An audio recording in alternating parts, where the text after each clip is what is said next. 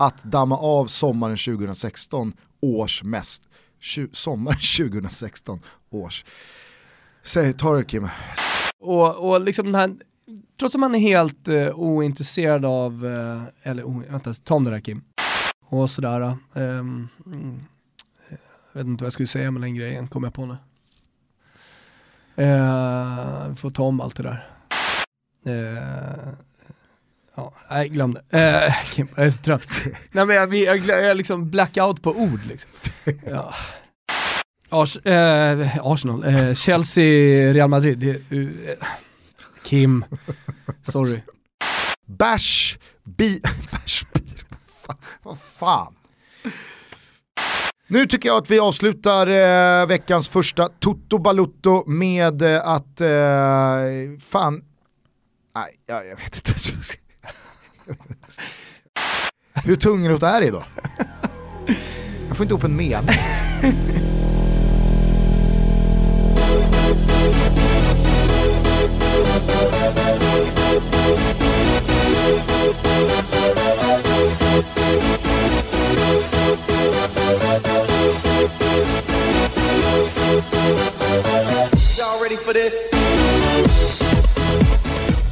Det var ju så jävla givet att inleda det här avsnittet med ett gammalt klassiskt fuck Bremen. Men sen går Will Grigg och skjuter eh, Manchester City ur FA-cupen och det känns betydligt mer adekvat att damma av sommaren 2016s mest eh, publikfriande och eh, gungskapande ramsa, nämligen Will Griggs on Fire. Helvete vilket drag det var i Wiggen igår. Ja, precis, och för alla som har missat det så handlar det alltså om att uh, hans uh, Wigan slog ut uh, Manchester City. Och man märkte ju på Manchester City och Pep Guardiola att det här var liksom inte en slip-up i september Nej. där man råkar åka ut ligacupen för att man har mönstrat ett för svagt lag och sen så får man helt enkelt ta säsongen därifrån. Ligan är klar. Ligan är klar, man är redan klara för kvartsfinal i Champions League, man är i ligacupfinal mot Arsenal eh, och det här Men det handlar ju om att sopa rent. Ja men exakt, det här var ju förmodligen Manchester Citys och Pep Guardiolas bästa chans någonsin att vinna alla fyra så, eh, ja, precis. Och således också, således också deras tyngsta förlust skulle jag säga under hela den här säsongen. Ja, ja, det är inte så många. Eh, man har ju alltså torskat mot Liverpool i en ligamatch där avståndet ner till andra placerade United var vadå, 11 poäng. Liksom. Var det den vi lyckades hitta spel på City? Nej, det var enda krysset dittills. Everton hemma, Kyle Walker rött kort. Alltså, jag har för övrigt ruggiga problem med Will Grigg. Mm -hmm. jag kör en omvänd, eller en felaktig eh, Niklas, eh, vad heter han? Brännström, hockeyspelaren? Nej, Bäckström. Bäckström menar jag. Eh, när han kör skön. Ja. Vi kan väl lägga in den från eh, när han är med i Lilla Sportspegeln och ha någon jävla klubba mm. hemma. Två materialare och så fick jag den efter matchen. Hur, viktig, hur är det att ha den här hemma? Det är skönt. Men jag är så jävla osäker på om han heter Will Grigg eller Will Griggs. Ja. Uh, och sen, nu, nu vet jag att han heter Will Grigg i och med att alla skrivit ut det på Twitter och så, men igår när det hände, om någon skulle fråga mig, så hade jag ju sagt, ja ah, men det var ju Will Grigg som gjorde mål. för att, Nej men det var ju Will Grigg.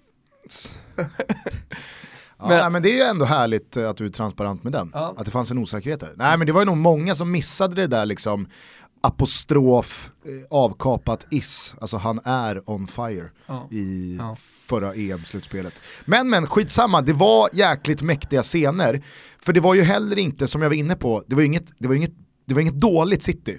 Alltså Kun Agüero, David Silva, Sané, ja, De Bruyne, eh, alltså det var i princip bästa lag. Sen måste man ju göra mål och allt det där, men jag tror jag läste att de hade 17% bollinnehav, eh, vilket ger alltså City 83. Snabb huvudräkning trots Hamburgresa Gusten. Eh, och, men, men det som det man pratar om nu, eller det, det, det jag tänkte vi landar i, det är ju scenerna efter. Alltså först Agüero då som går upp i Henke Larsson-position eh, och till och med lyckas måtta något slag mot en Wigan-supporter. Ja. Och eh, Pep Guardiola i eh, spelartunneln, eh, i katakomberna där under arenan, som först eh, hamnar i ordväxling med eh, Wiggins tränare. Ja, och det... sen eh, rusar mot domaren. Vad som sen händer, det vet man ju inte.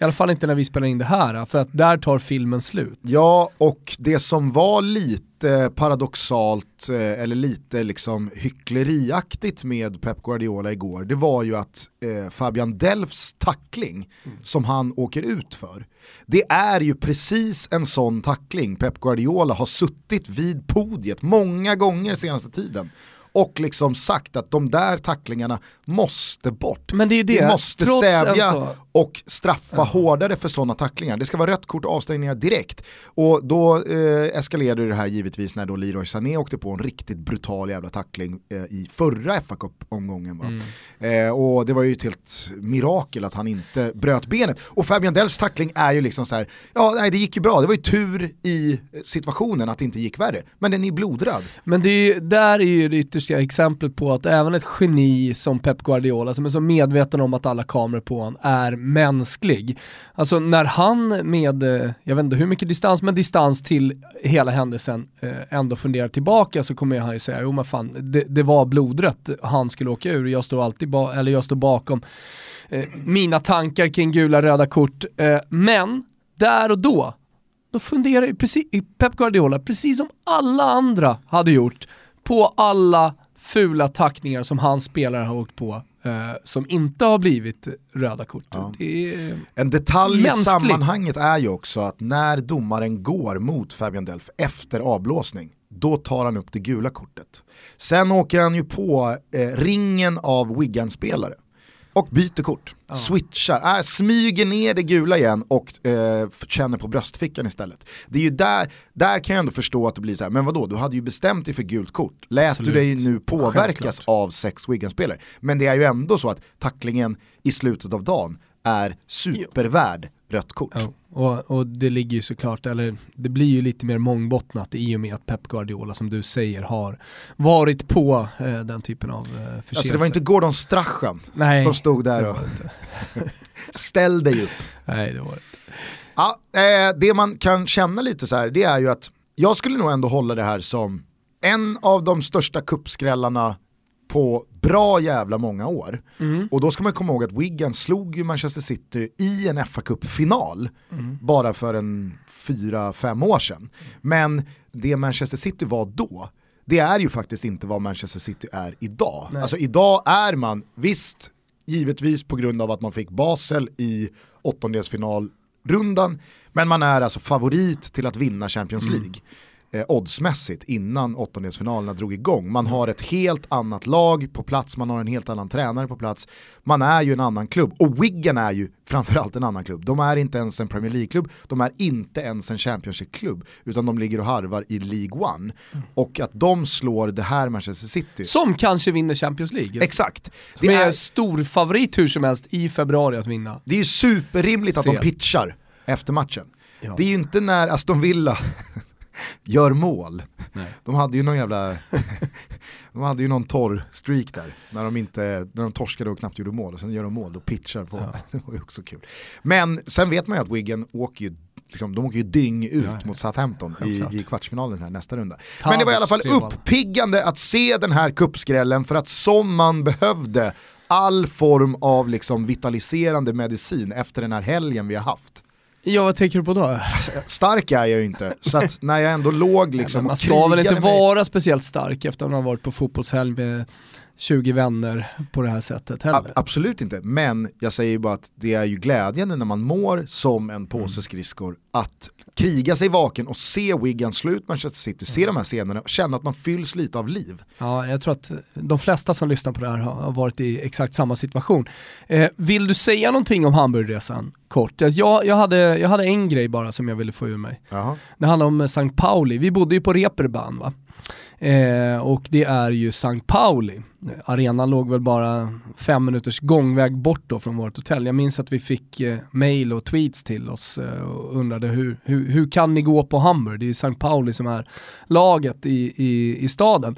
Ja, alltså det är ju laget men det är ju hipsterlaget. Det är ju det som är grejen, det har blivit ett hipsterlag i eh, hela Europa. Det är ett, eh, som jag har förstått nu också efter att ha varit i Hamburg, eh, det är ett lag som ultrasturismen, liksom, eller ultrasturisterna vallfärdar till.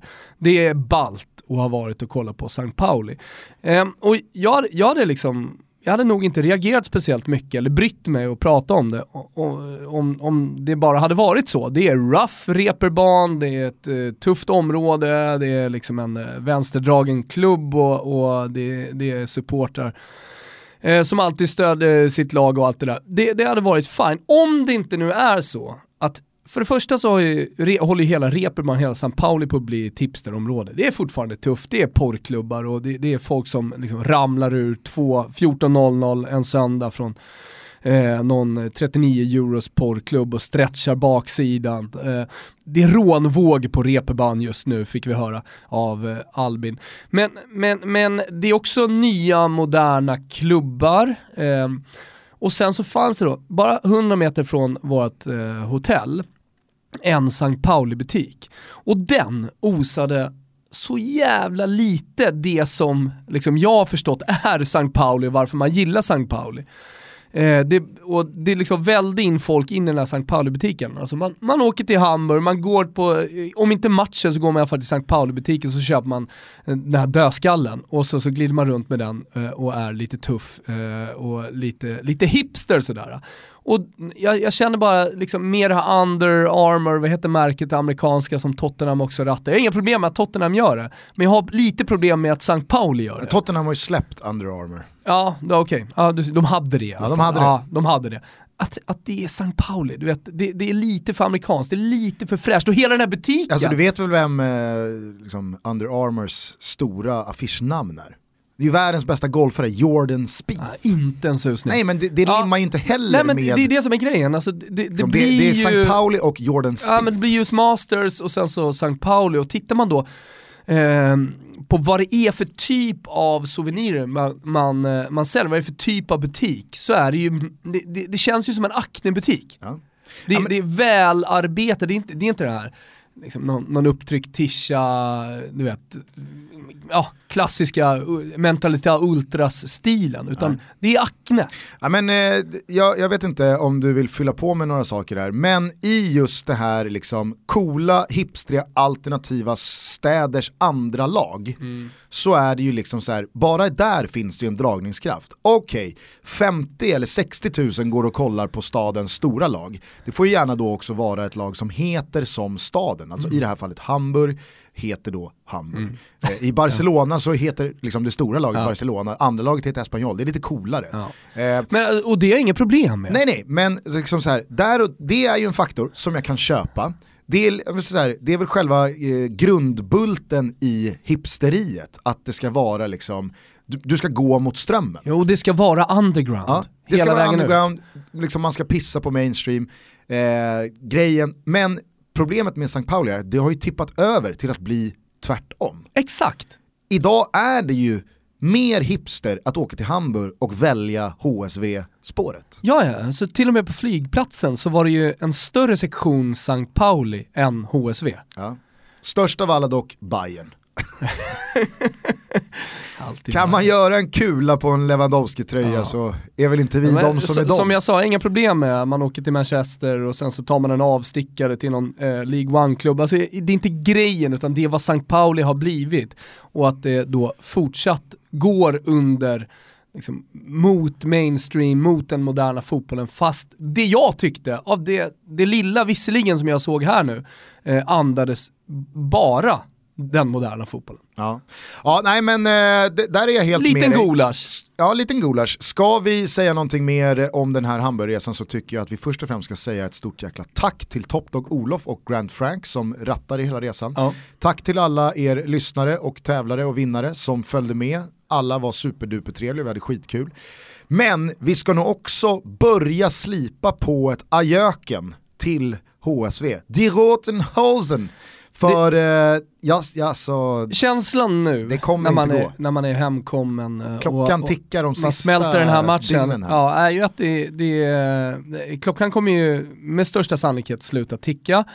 Eh, det är ett av de sämsta lagen som jag har sett på den här nivån spela fotboll eh, och då pratar jag inte bara om att man missar, eller, eh, utan det, det var ju genomgående den röda tråden, precis lika röd som eh, Rotenhausen, eh, felpassar, felbeslut, eh, tränaren, vad jag förstod, också ställde upp en, eh, en eh, uppställning som inte alls eh, var den, den bästa, eller det bästa för att få ut maximalt av materialet som man brukar säga.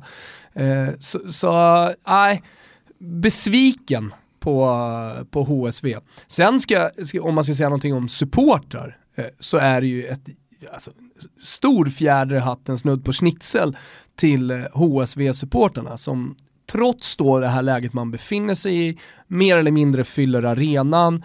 Eh, nu blir det visserligen liksom lite pitchning efter eh, och eh, lite rusningar utanför arenan eh, på grund av stort missnöje såklart för att man befinner sig där man befinner sig. Mainz vinner dagen innan, tufft schema som kommer, fuck Bremen nästa omgång och allt det där. Eh, och då vill man ju få någon slags effekt till laget och visa på missnöjet att nu, nu är det läge att rycka upp sig. Ja det är det ju verkligen. Ja, eh, jo, jo, jo, jo, men de vill ju få den eh, effekten verkligen visad, visade, det är det som är hela grejen. Eh, men men eh, stämningen inför, alltså så här, den tyska fotbollskulturen, hur den lever och frodas trots att ingen bryr, bryr sig internationellt. Nej, och, och, och, jag menar, här skulle jag vilja ändå... 50 centiliter stark bärs på arenan, vad sa vi? 360 euro. Ja, så man fattar precis allt ja. i Tyskland. Ja men exakt, och där skulle jag vilja att den här då, då kanske schnitzeln eh, spiller över på hela Tyskland. För det var ju inte bara Hamburg, utan jag har varit eh, och sett Dortmund, jag har varit och sett Bayern och det är samma sak där. Det är jävla bra stämning, jävla bra uppslutning. Mm. Ölen är billig, korven är jävligt god. Det är alltid det, så fotbollssupporter som har varit på weekend hur, vad kostade ölen? Ja, det var en bra resa när vi var i London, men fan bärsen har blivit dyr alltså.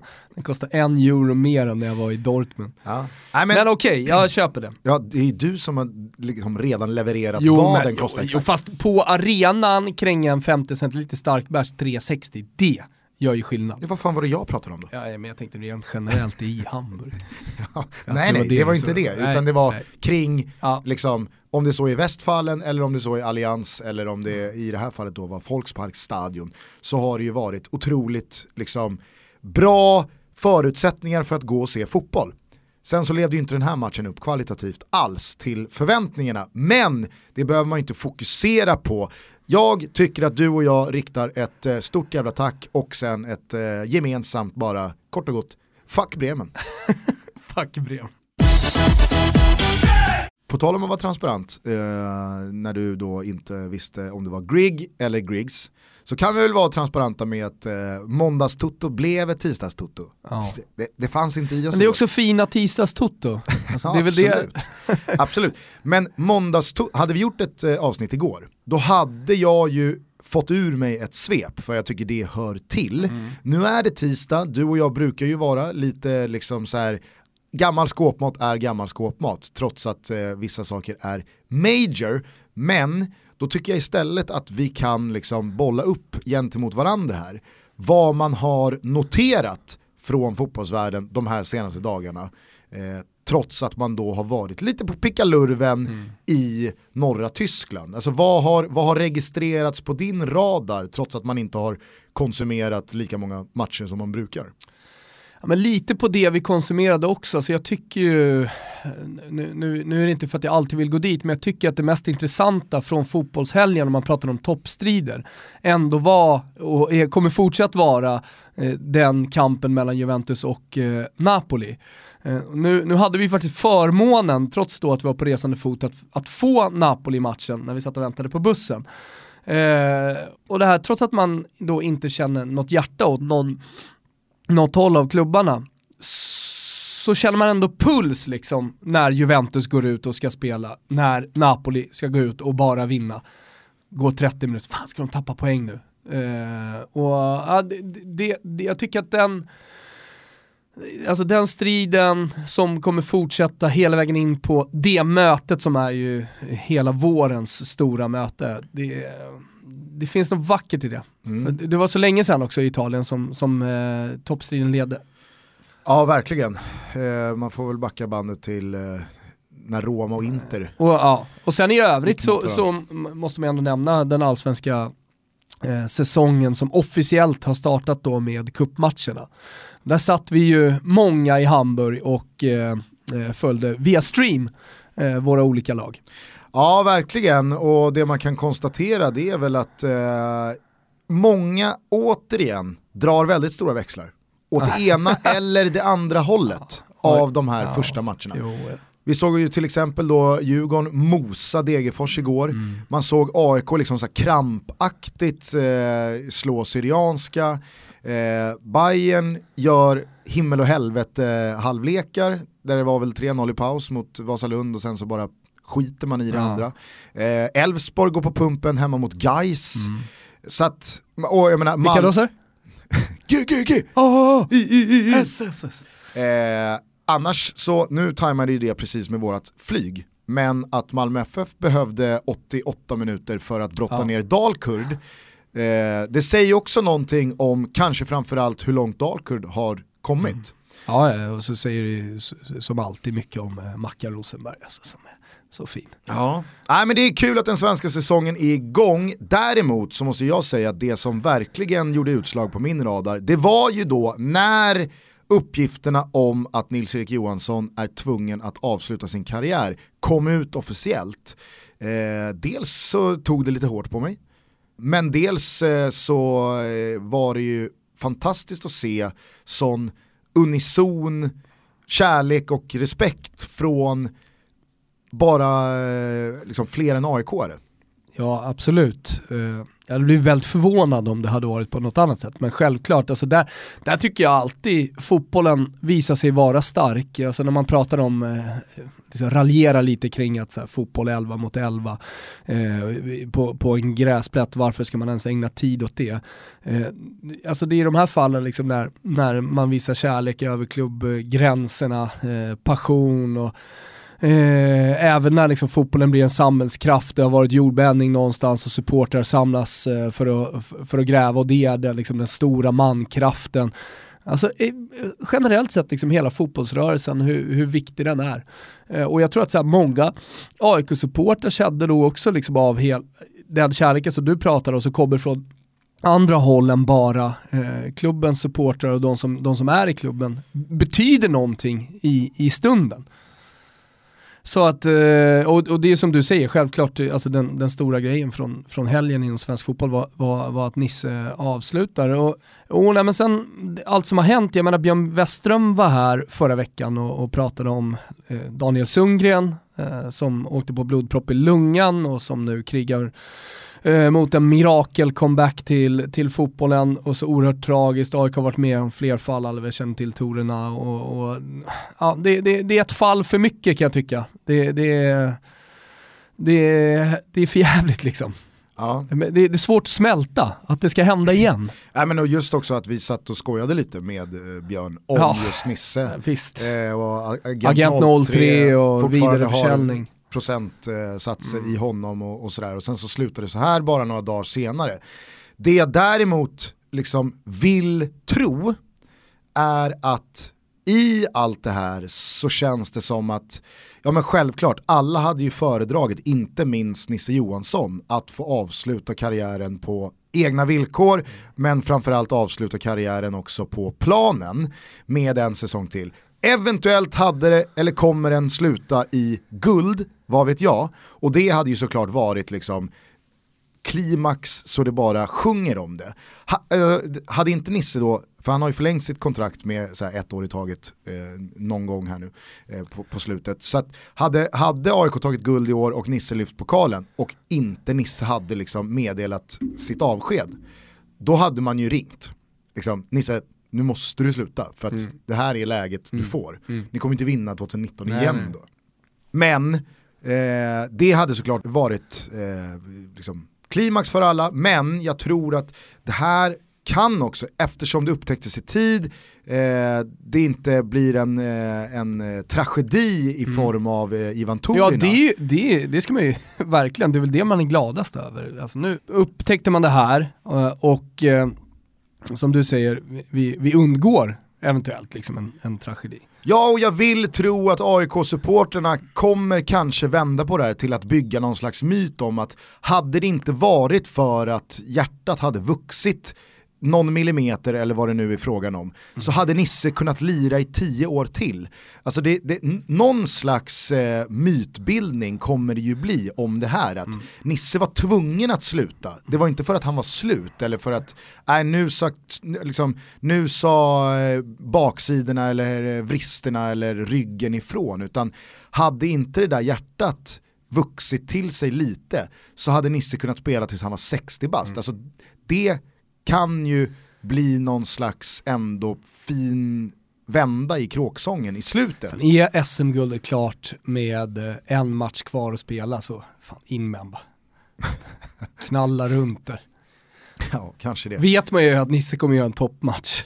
Ja, nej, det var jävligt tråkigt i alla fall, men som sagt eh, väldigt rörande och fint att se dels vad alla AIK-supportrar hade att säga om sin kapten, men också alla hälsningar och fina ord som strömmade in från eh, andra håll. Eh, och lite så är det väl eh, det man landar i, det som Marcus Birro många gånger har liksom haft som en käpphäst, att svenska klubbar är för dåliga på att hylla, uppskatta och uppmärksamma sina levande hjältar. Mm. I Sverige så känns det som att man ibland avvaktar. Man tar dem lite för givet också. Ja, dels det, men också så finns den där hyllningen i folk, men den kommer först när en, när en eh, spelare eller ledare har avlidit 80 år gammal. Mm. Då kan man liksom få ur sig allt det här. Eh, det, var, det var fint och jobbigt i någon slags symbios när mm. man låg där på hotellrummet i Hamburg och scrollade igenom sina flöden och såg alla bilder och såg alla hälsningar. Och... Aj, tråkigt som fan. Ja, Forza Nisse, en av de största som har spelat i Allsvenskan. Annars så måste jag säga att den eh, händelse som jag liksom eh, fastnade för och läste in mig på när jag väl kom hem från Hamburg var ju det man missade i fredags. West Bromwich superjumbo i Premier League har ju alltså inte vunnit, jag tror att de har vunnit en match på de 26 senaste. Tungt. Ja, de hänger ju löst här nu. Vi pratade ju om West Brom eh, bara för någon vecka sedan, att det är ett sånt här lag som inte skulle må bra av att åka ur en serie, mm. för att deras truppsammansättning mm. är inte redo att kavla upp ärmarna och göra det, det svettiga jobbet i en andra division.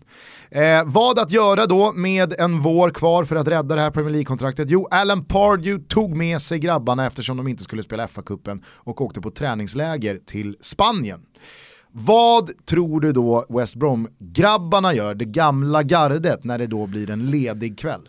Ja, men jag har hört något om eh, någon stulen taxibil och det, jag har personligen inte läst in, men däremot så, så gläds jag ju med dig att så här, vi, nu har vi en skandal med eh, Pep Guardiola, Agüero på den nivån, pitchande supportrar eh, och sen då den här skandalen också på bara några dagar. Det är väl, det är väl precis som vi nämnde alltså med den moderna fotbollen som man alltid kommer tillbaka till, alltså att folk fortfarande, att Pep Guardiola kan vara mänsklig, det är väl snarare det som man tycker känns lite skönt eh, när, när, eh, när det händer sådana här eh, grejer, oavsett vad det är. Liksom. Ja. Um, sen, eh, jag vet inte, jag kommer att tänka på när eh, Bill Murray var i Stockholm. Gamla skådespelaren. Gamla skådespelaren. Lost in translation. Lost in translation. Ja. Och baxade en golfbil och körde mellan Café Opera och typ East blev ju också plockad utanför 7-Eleven och skulle in och köpa tuggummi. han, jag tror han också hade ragg med sig i baksätet som fick gå in, så han satt ju liksom och väntade utanför i golfbilen. Eh, stark, stark scen kommer jag ihåg när, när Jesper Parnevik eh, eh försvarar Bill Murray. Som får, som får åka snutbil. Annars är väl... Skyller på eh, amerikansk lagstiftning där det tydligen är okej. Okay. Annars är väl eh, den liksom svenska motsvarigheten till den här kvartetten i West Bromwich är ju den gamla beryktade Moose-klubben i VM 94-landslaget. Mm. Eh, på uppstuds var Anders Limpar, Lasse Eriksson, Klabbe Ingesson och Thomas Brolin. De var ju ett litet rövarband på mm. fyra pers som gjorde en grej av att smita ut om nätterna från hotellet och hitta på hyss. Ja. Sen så vet man ju att det var ju inte liksom, det var, det var inte på eh, Johnny Evans och eh, Gareth Barry nivå. Nej det var ju mer på IFK Göteborg alla 80-tal nivå, klippa sönder kallingar och så. Ja, ja det var väl någon, eh, någon episod av att de hyrde en helikopter och eh, åkte helikopter över Hollywood Hills eh, sent på natten. Och, ja. Men väldigt svenskt så var det liksom, någon hade på sig en eh, älgkeps mm. och så la de händerna i en hälsning och så körde de moose. ja men det gillar man ju ändå. Ja. Alltså det är, det är ju harmlöst. Ja, är men harmlöst. man, man liksom, den lilla, lilla liksom, lag, eller önskan om att vara en, en lagöverträdare i en, gillar det ju. Mm. Trots att det är på eh, så liten skala. Ja. Ja, skitsamma, vi får väl se vad som händer med den här taxiligan. Känslan är ju i alla fall att majoriteten av West Brom-fansen inte kommer lyncha dem, utan snarare kanske spär på någon slags... Vi får se. ja, ja, jag tror att många liksom känner att, ja ja, vad fan, det är ju det där, liksom, det där är ju svårt att inte tycka om. ja. Vi är fortsatt sponsrade av Kanal Digital och sedan den 1 februari så kan man genom deras tv-abonnemang lägga till alla Viasats sportkanaler. Detta alltså utöver all sport som redan finns via Simor. Toto Balutto. Toto Balutto va, vad gäller sport hos Kanal Digital. Men de har givetvis mycket mer än bara sport. I familjepaketet ingår till exempel massor av filmer och serier i abonnemanget som man kommer åt från Kanal Digital Digitals playtjänst. Ja, det är någonting som jag använder väldigt mycket och du nämner familjepaketet här. Otroligt viktigt att kunna sätta barnen i de jobbiga stunderna framför en eh, till exempel Disney-film.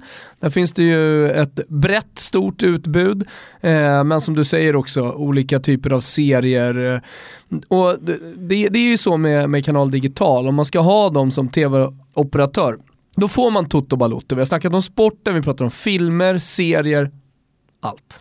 Exakt, eh, vill du ha ett par exempel på vad det erbjuds? Ge mig, ge mig. kanske är det någonting jag har missat. I filmer och serieväg va? Eh, det finns eh, nya och gamla filmklassiker från Paramount. Mm. Till exempel senaste Transformers-filmen, The Last Night. Men också en gammal klassiker som Saving Private Ryan. Dock, brasklapp, gör en ordentlig lucka i schemat om du ska hinna se Saving Private Ryan. Den är ju, det är en, det är en riktigt Den är lång, inte Ben Hur. Det är en lång panna. Men den är, den är lång. Eh, det finns dessutom eh, hela säsongen av populära serier från ABC Studios och Fox. Till mm. exempel Grey's Anatomy är en gammal klassiker. Men också Golden Globe-vinnaren Atlanta.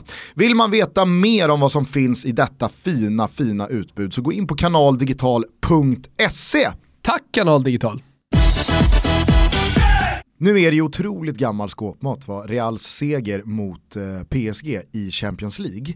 Eh, men det har ju varit många som eh, var lite besvikna på att vi körde ett eh, gästavsnitt på torsdag morgonen där efter eh, Champions League-omgångarna. Men så fick det vara, vi hade ett späckat schema med en anammande hamburgerresa, du var uppe i Östersund som vi snart ska återkomma till. Men eh, man måste ju säga att det är ju intressant att när en så uppbyggd match som en T-korsning för en klubb som Real Madrid också blir en T-korsning. Man slår PSG. Ja, eller det är det oavsett hur det går, men de, att Exakt. de går åt det ja, hållet verkligen. Det blev ju en T-korsning och nu gick de, låt säga då, vänster. Eh, de slår PSG med 3-1, rättvist eller inte låter jag vara osagt. Det är i alla fall resultatet man fick med sig. Och av bara farten så åker man och slår liksom svårspelade Real Betis som slog Real i höstas på Bernabéu med 5-3. Benzema hoppar in i 89 petar in den två minuter senare. Troligt. Eh, jag menar, Asensio och Vasquez ser ut som Asensio och Vasquez från eh, mm. förra våren. Bale är tillbaka med besked. nu ska jag absolut varit... inte drula och säga vad var det jag sa, men Eh, med facit i hand tror jag alla känner att uh, det här med motivationen och i ligan och, och alltihop, att det verkligen var en grej. Att man sket i det utan det var den här matchen som, som betydde något. En spaning dock från den matchen och som alltså, gör att det här är inte över på något sätt det är ju sättet PSG anföll på. Jag menar, får de vara effektiva i en sån här match så går ju den åt ett helt annat håll. Och jag är så otroligt imponerad av Neymar. Jag är medveten om att han inte lyckades med precis alla dribblingar, men det som gör mig så jävla imponerad är att han blir nersparkad i 20 minuter, tar ett gult därefter också. Där även de största borde komma ur fas och det blir en dålig match. Jag, jag, fattar ju att Real går på honom på det sättet som de gör också. Vad har han? Fyra, fem frisparkar med ganska rejäla sparkar i bakhaserna ja. efter de första 20. Det är frustrerande med att få det här gula kortet som han också får och ändå bara pumpa på, pumpa på och vara farlig fram till 90 plus tillägg det är det som någonstans gör, det här, man, man brukar prata om det mentala liksom, eh, är så otroligt viktigt. En sak är fotbollstalangen men, men du måste ha ja, träningstalangen och sen så måste du också ha det här på plats, att i en sån här stor match, kunna liksom lägga de här 20 första minuterna bakom det och fortsätta leverera. Och fortsätta tro på dig själv. Alltså vad är det för jävla självförtroende att eh, ligga under med 3-1 och han fortsätter att, att, mer eller mindre leka på sin kant. Ja. Eller fortsätter göra det inte, för han har inte haft lekstuga hela matchen. Men, men håll med om att alltså så här, PSG är ett jättefint lag, det finns hur, hur många liksom kreativa spelare som helst. Men att den matchen som Neymar gör är ju helt makalös. Sen tror inte jag att det var någon slump att man gick så stenhårt åt Neymar ja, i den här matchen heller. För att han har en historik av att tappa huvudet ifall man är på och skaver på honom och sparkar på honom lite över gränsen. Då kanske var det där gula kortet ur. det som fick honom att glömma de här första 20 minuterna, att ja, gå eller, vidare, eller kanske, faktiskt, aggressioner. eller kanske faktiskt fatta Mänsklig. att, eller kanske faktiskt förstå att tar jag nu ett gult till, eller skulle det där ha blivit ett rött, ja då är det ju över. Då får jag inte ens spela returen och vi åker ut i åttondelsfinalen och allt är ett fiasko och jag kommer hängas. Nu kändes det som att när han hade sparkat ner Nacho och fick det där gula så insåg han lite att om jag ska vara den värvningen som jag har varit för PSG och har lablat som, då är det inte riktigt läge här nu att sparka ut sig själv i första Nej, och det, den, det klivet tror jag absolut att han har tagit i sin karriär. Vilket också skvallrar om att eh, oavsett vad han spelar nästa säsong, eh, med största sannolikhet är nästa Guldbollen-vinnare efter eh, Ronaldo och Messi. Och vi går mot ett VM, nu är det ju Mm. Det blir tung, tungjobbat den här guldbollen om de åker ut redan i åttondelen mot Real Madrid. Men vi vet också hur mycket ett VM betyder. Mm. Så att det vill ju till att en otroligt säsongsdominant spelare, typ Messi, också vinner Champions League. För att eh, liksom peta ner om nu, alltså, om nu eh, Neymar blir VM-kung. Det, det, är min hypotes här. Peta ner eh, honom från tronen då. Ja, spännande blir det i alla fall och det är ju dags eh, igen nu den här veckan med nya åttondelsfinaler. Vilken är du mest spänd på? Chelsea, eh, självklart mot Barcelona. Och den är det för min skull eh, på grund av Antonio Conte i Chelsea. Lite med tanke på att säsongen är lite så halvkörd. Eh, bubblan sprack med, eh, eller bubblan, men den sprack redan i höstas. Då vann man hade man ligatiteln i, i bagaget och sen så har det gått som det har gått. Det har varit eh, ganska stort missnöje efter eh, värvningarna. Eh, både då sommartransferfönstret och vintertransferfönstret. Eh, och, och sen så går man in i den här matchen och så tänker man, ja ah, men fan Barcelona, de har varit så otroligt bra. Eh, de ska ju bara såklart vinna mot ett ganska formsvagt eh, Chelsea. Då tänker jag tillbaka på VM, jag tänker på allting som Antonio Conte har gjort eh, med Juventus och får ändå någon slags känsla att det, det, här kan nog bli rätt bra ändå. Jag tror att de kan göra alltså, en Conte-match, för det är nu i exakt de här lägena som Konta har visat tidigare att han är som bäst. Jag är helt medveten om att han inte har lyckats gå hela vägen som Allegri gjorde med Juventus i Champions League.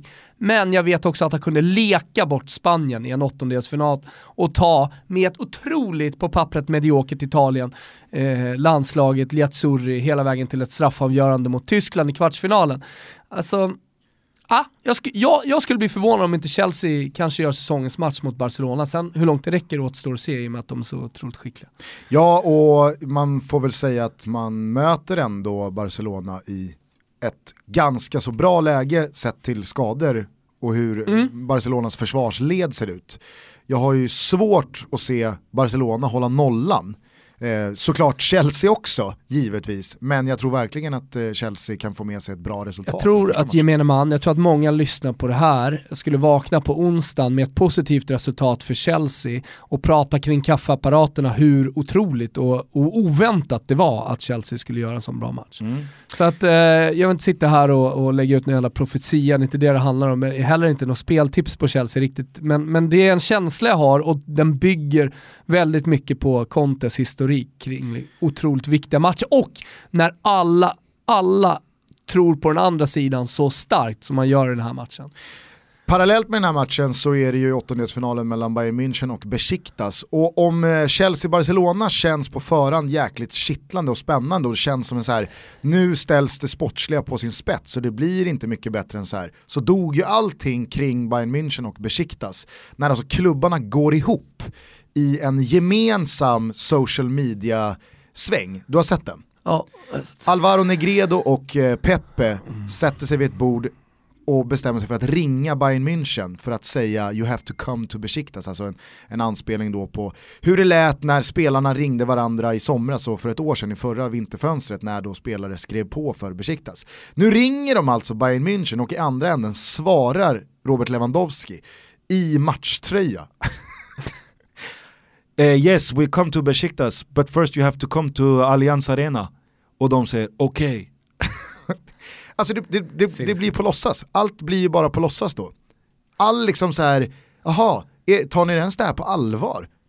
Eller är det här bara, är, är det här bara liksom en, en lek för alla inblandade? Det har blivit så jävla... ja men vi kommer tillbaka till eh, den moderna fotbollen och det är dit vi är på väg. Alltså den, den unga generationen, de som är 10-12 bast, det är ju det här de kommer växa upp med och det, det här kommer vara en stor del av fotbollen och så kommer du och jag sitta som så gamla gubbtjuvar och tycka att det där är, eh, är, är, är skit. Så jag vet inte fan, jag har inte riktigt valt väg här känner jag ändå. Vill jag bli den liksom gamla surbittergubben som sitter och klagar på allt som har med den, ja, bakåtsträvan, som allt, så, allt som har med den moderna fotbollen dåligt att göra.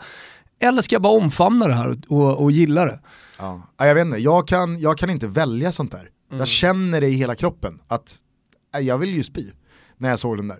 Skitsamma, eh, onsdagen avslutas eh, med eh, Shakhtar mot Roma. Ett, ett möte som jag på riktigt känner så här, ibland måste man bara våga säga så här att Shakhtar har man ju för dålig pejl på. så, nu såg jag ju Men I dem... synnerhet efter, jag, jag har sett dem mot AIK. Ja, precis. Nu såg man dem i AIK-matchen och du sitter ju ändå där och ser Shakhtars matcher, matcher i Champions varje år. Och det, det, är en, det är inte så stor skillnad. Shakhtar är Shakhtar. De är lite giftiga framförallt på hemmaplan när det är kallt. Är det inte så? Och så är de offensiva. Klassanalys. Ja, jo, jo, fast jag, jag tror inte att du behöver göra liksom en mer djupgående analys kring Shakhtar. Nej. Det här är deras säsong, alltså det är klart att de pumpar på i ligan och det är viktigt för dem, men, men det är de här Champions League-matcherna som, som presidenten bygger hela, hela året kring. Det är det här som är det viktiga och det gör ju, gör ju matchen mot Roma såklart oerhört tuff. Även fast det är Shakhtar man eventuellt skulle slå ut så skulle jag ändå vilja säga att skulle eh, liksom Roma går segrande ur det här så får ju Di Francesco ändå, ja men då är det svårt att ta ifrån honom oavsett om de slutar med en tredje eller fjärde plats i ligan. Kan ju sluta med en femteplats Det är klart att det kan sluta med en femteplats, men du förstår vad jag menar att en kvartsfinal i Champions League är ju en du, känner, riktig... du känner att du var sval på Shakhtar, men du känner dig jävligt varm på Roma. Så det, det, det, var anledningen att du landade i det här. Ja, Di Francesco i eh, februari slår ut Shakhtar. Självklart så är det fram till dess en väldigt positiv säsong.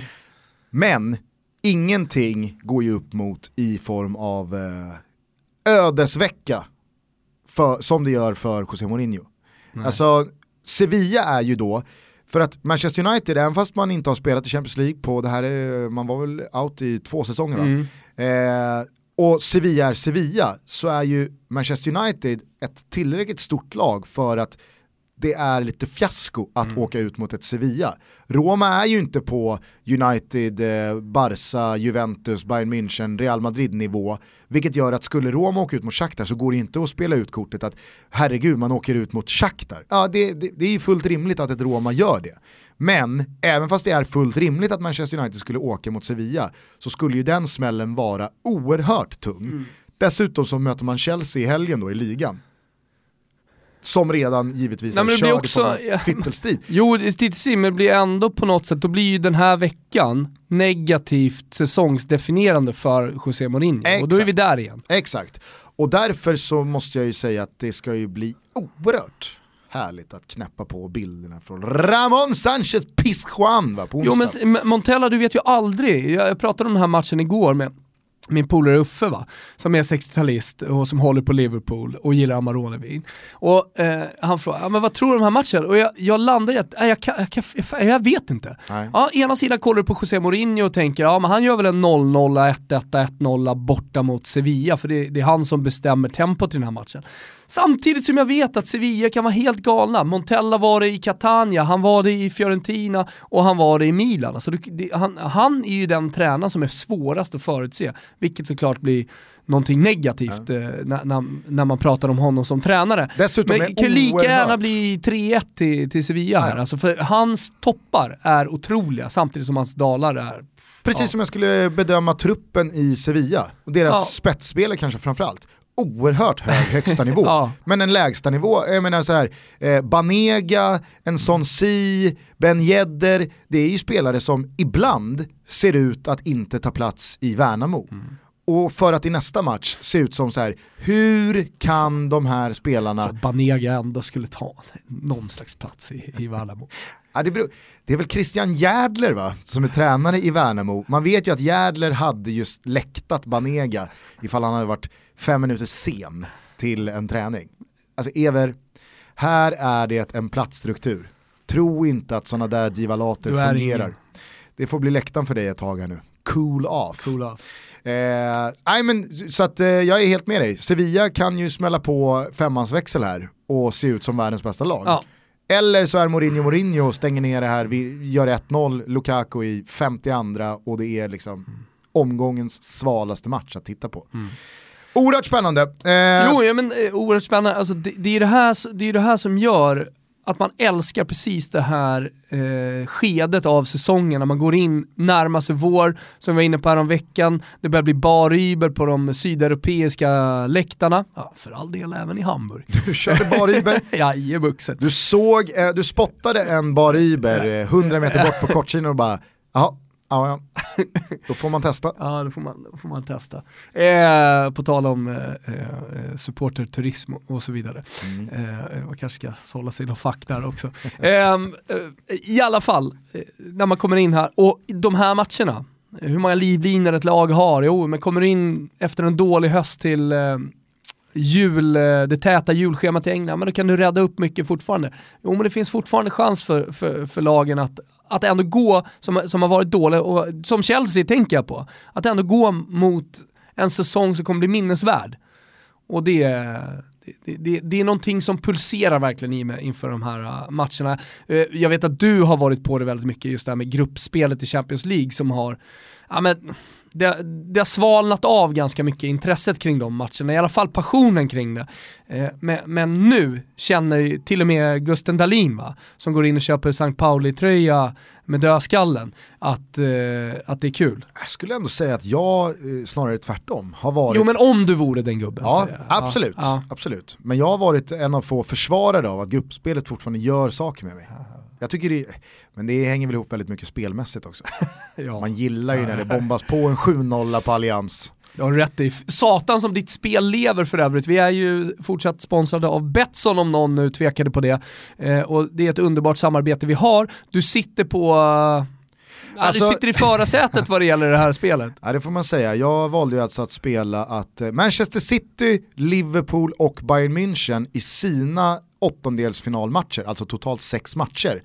De tre lagen tillsammans ska göra över 15,5 mål. Efter bara två eh, matcher Liverpool Som du har ding-dongat in de här matcherna, eller de här målen på sms. Efter Liverpool och Citys första matcher då, så är ju nio mål i burken. Så att det får man ju säga är en bra start. Eh, Bayern München har ju besiktats hemma i första matchen här nu också. Mm. Så att, eh, jag räknar ju med en att vi står på 12 ska i alla fall. Ska det, ja, jag tänkte säga att det är klart efter, efter Bayern. Inte omöjligt. Ja, för fan räkna inte bort Besiktas här. Uff. Ja, jag räknar inte bort. Nej. Det kan väl sluta 6-5 då, så är det ju så är det klart. Eh, nej men eh, vi sitter ju jättebra på det där, tyvärr alltså måste man ju säga att HSV svek oss i helgen. Men Toto-tripplarna rullar såklart på mm. och du har gryende form. Ja men man, man, kan ju säga vad man vill liksom om att, att tappa HSV där, den matchen där Leverkusen faktiskt inte var något bra. Det är ju på egen jävla oförmåga eh, som, som Hamburg inte ens grejer ett kryss i den här otroligt viktiga matchen och med Mainz som vinner dagen innan också. Ja, det, det är surt att sitta live på en sån match och åka på den. Men, eh, men eh, någonting, någonting säger mig att det, det, är en, det är en formtopp på väg. Ja. Mm. Tack i alla fall till Betsson som återigen är med oss. Eh, helgens tripplar får ni givetvis i veckans andra avsnitt som vi ska hamna jäkligt rätt på, det vågar jag fan lova. Hörru du, jag fick precis en push här va? Eh, eller push, det fick jag inte alls. Jag gick in på Fotbollskanalen, fin sajt. Mm. Såg bara Milans... Vet du, vänta, vet du vad jag gick in på innan vi gick in här? OS. Kollade OS, vet du vad som har hänt då? Vet du vad jag fick reda på? Jag vet att du är så otroligt sval på det här. Ja. Jag bryr mig inte ett dugg. Sean Germain, vet du om det är? Nej. Nej. Verkligen inte. Nej, exakt. Han eh, är för detta AHL-spelare i hockey. Nu är han i OS och följer frugan som är eh, stor kanadick eh, eh, i, i curling. Och hon är en stor, av de stor kanadick Nej men hon är, hon är en stor profil i Kanada eh, vad det gäller curling. Curling är enormt i, i Kanada.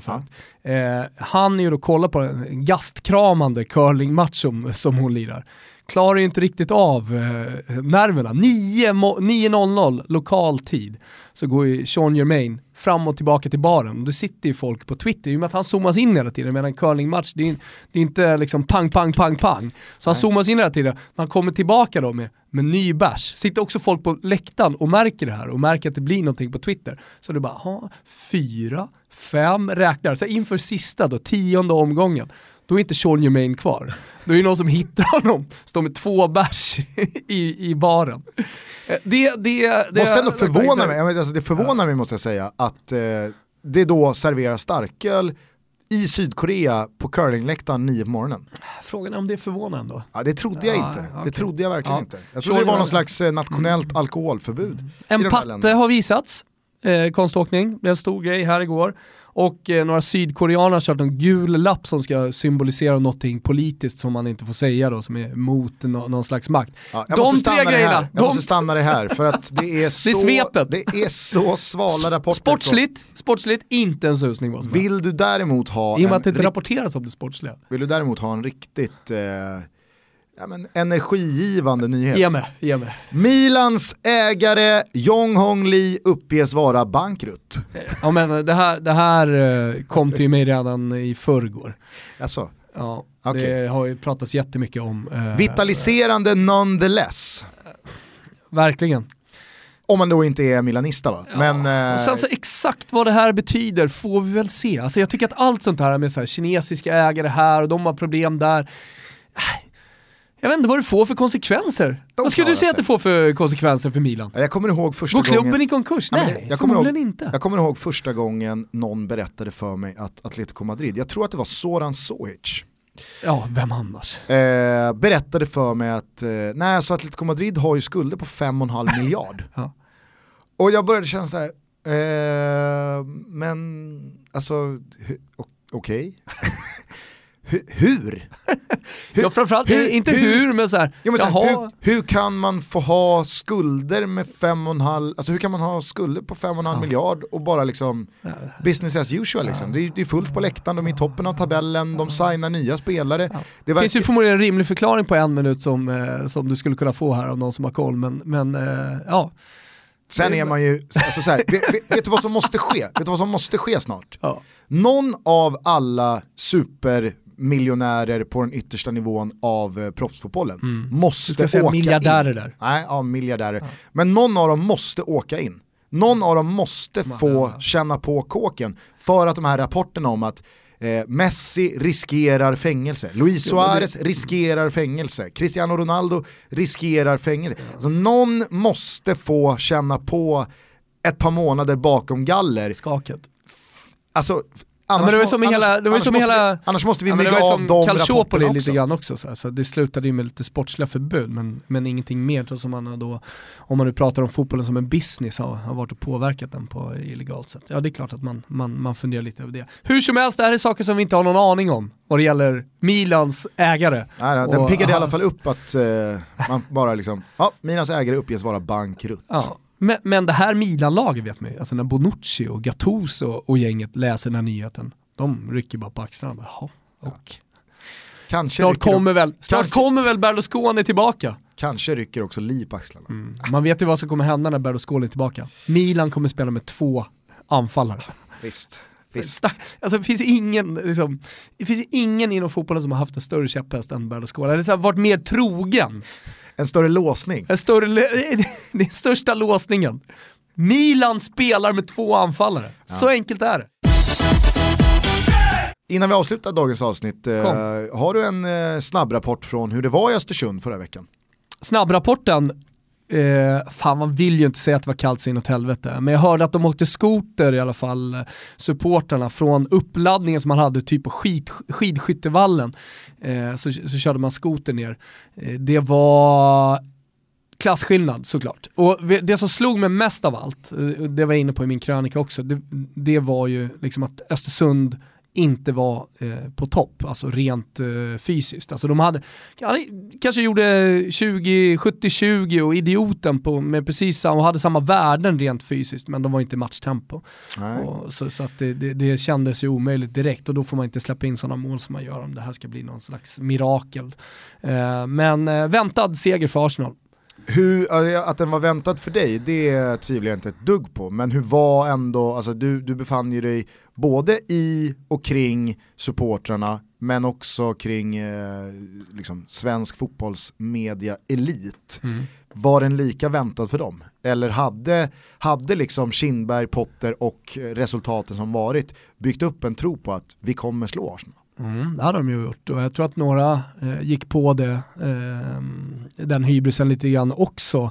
Alltså för att det man framförallt pratade om var ju de här första 20 minuterna när Östersund borde ha gjort eh, någonting annat, borde ha varit Östersund.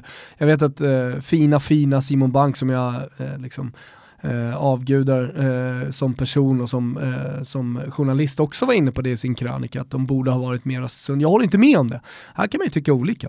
Eh, och jag pratade med, med Ghoddos om det efter det mixade och han sa det också att ja, vad hade hänt om vi hade gått hårt då?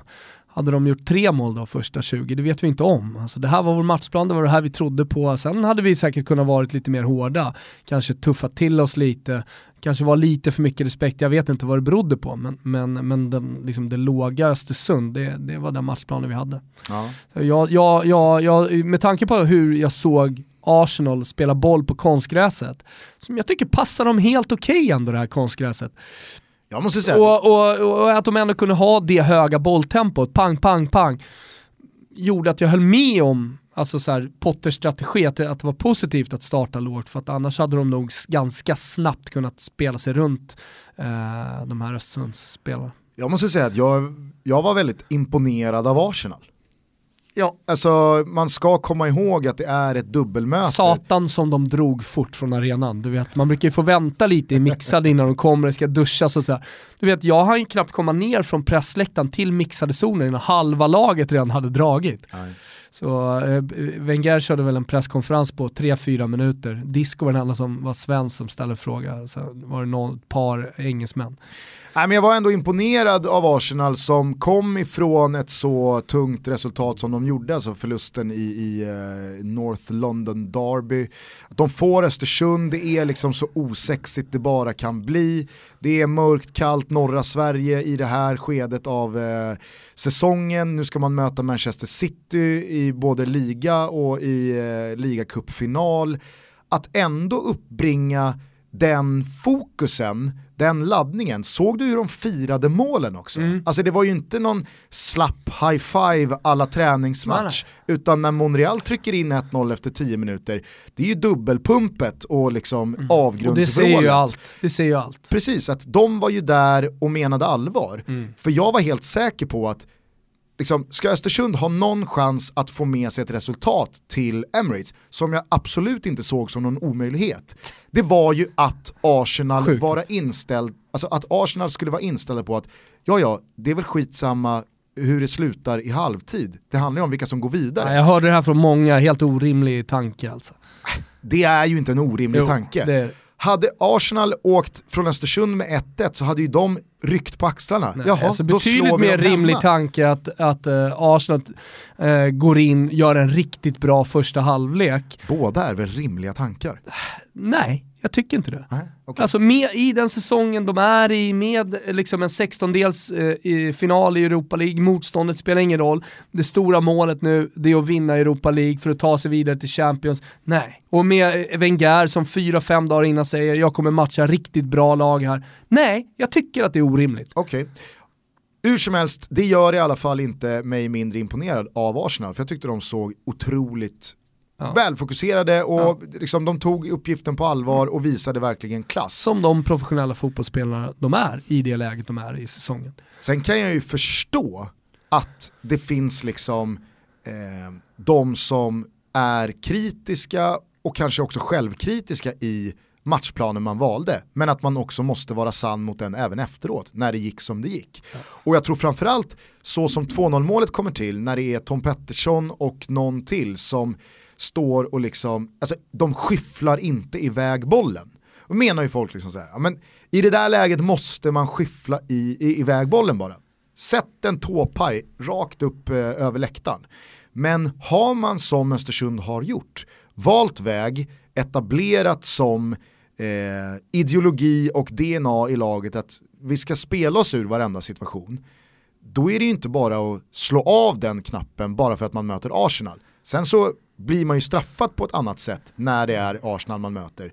Men det är ju inte bara att, okej, okay, i ena, eh, ena matchen så spelar vi så här som vi alltid har gjort och sen så nästa match så switchar vi. Och det tror jag också man blev lite lidande av när man valde att ställa sig så lågt. Att det är ju inte, det är inte någonting som Östersund har gjort speciellt mycket. Så det är klart som fan att, att välja att göra det mot ett så skickligt lag som Arsenal, ja då lär man ju bli mer straffade än om man hade valt att ställa sig lågt hemma mot Kalmar. Slutord då från Östersund, ta med mig, förutom en jävla trevlig presschef eh, där som rattar alltihopa, Arsenal, eh, Arsène Wengers ord om eh, täcke. Han, kanske inte jättestort i sig, men han fick ändå frågan, var det någon du var inte imponerad av? Och han svarade då självklart Ghoddos som gör en, en, fin sista kvart inte minst då på första halvleken och har det där skottet. Eh, men sen han som kommer in, han nämner honom inte vid namn för han har väl inte det, Eh, han var riktigt bra, säger mm. han. Eh, så att eh, hyllningen då till Teke, kanske blir Arsenal i framtiden. Man vet ju hur, eh, hur tränare tänker kring sådana här spelare som man någon gång har blivit imponerad av. Jag tror, eh, på tal om då Ghoddos och att imponera mot Arsenal, jag tror inte att Daniel Kindberg är alltför missnöjd med att han tackade nej till 50 millar. Nej, det tror inte jag heller. Jag tror att, eh, det kommer ett VM också va? Det kommer ett VM, nej, det där kommer, det där, där kommer han få rätt. Ja. Där kommer han få rätt, men det, kom, det, blir nog ingen Europa League-buckla. Nej, det blir inte. Hörni, bärs, burgare och bowling på Birka Bowling i Vasastan. Googla fram adressen, men det är på Birkagatan va, eh, tunnelbanestation. Det Sankt är alltså ett bra sportbarshäng också, det ska man säga. Precis. Alltså inte, öl, du, du sitter inte på bowlingbana 9 och kikar fotbollen om du inte vill. Ja. Nej. Öl, bowling eh, och eh, hamburgare till en riktig kanonpeng och så är det ett skönt gäng där Svanemar håller hov. Eh, gå dit om ni inte har Marpan några bättre planer. brukar ju komma om man inte lirar fotboll på Åland. Sundgren någon gång också har jag sett där. Ja, ja. exakt. Det kan vara... Ja, blandat. Eh, exakt. Jag var på väg att säga kändistätt. Men så drog jag tillbaka det. Ja, men gör det. Eh, och sen så kan ni fortsätta höra av er till oss om det är någonting. Vi finns på totobalutto.gmail.com eh, och så finns vi på eh, sociala medier under konto totobalutto. Ja, nu växlar vi upp här eh, inför våren. Tack till alla som lyssnar. Fortsätt eh, berätta för era vänner om den här podcasten. Eh, så hörs vi snart igen. Ciao. Tutti. Nu slickar vi såren med lite Lemark tycker jag. Kommer tillbaks till, till världen. Vad är det för Lemark? Ah, det får bli eh, vaggsång klockan fyra. Hur går den? När de lägger ner mig lugnt och stilla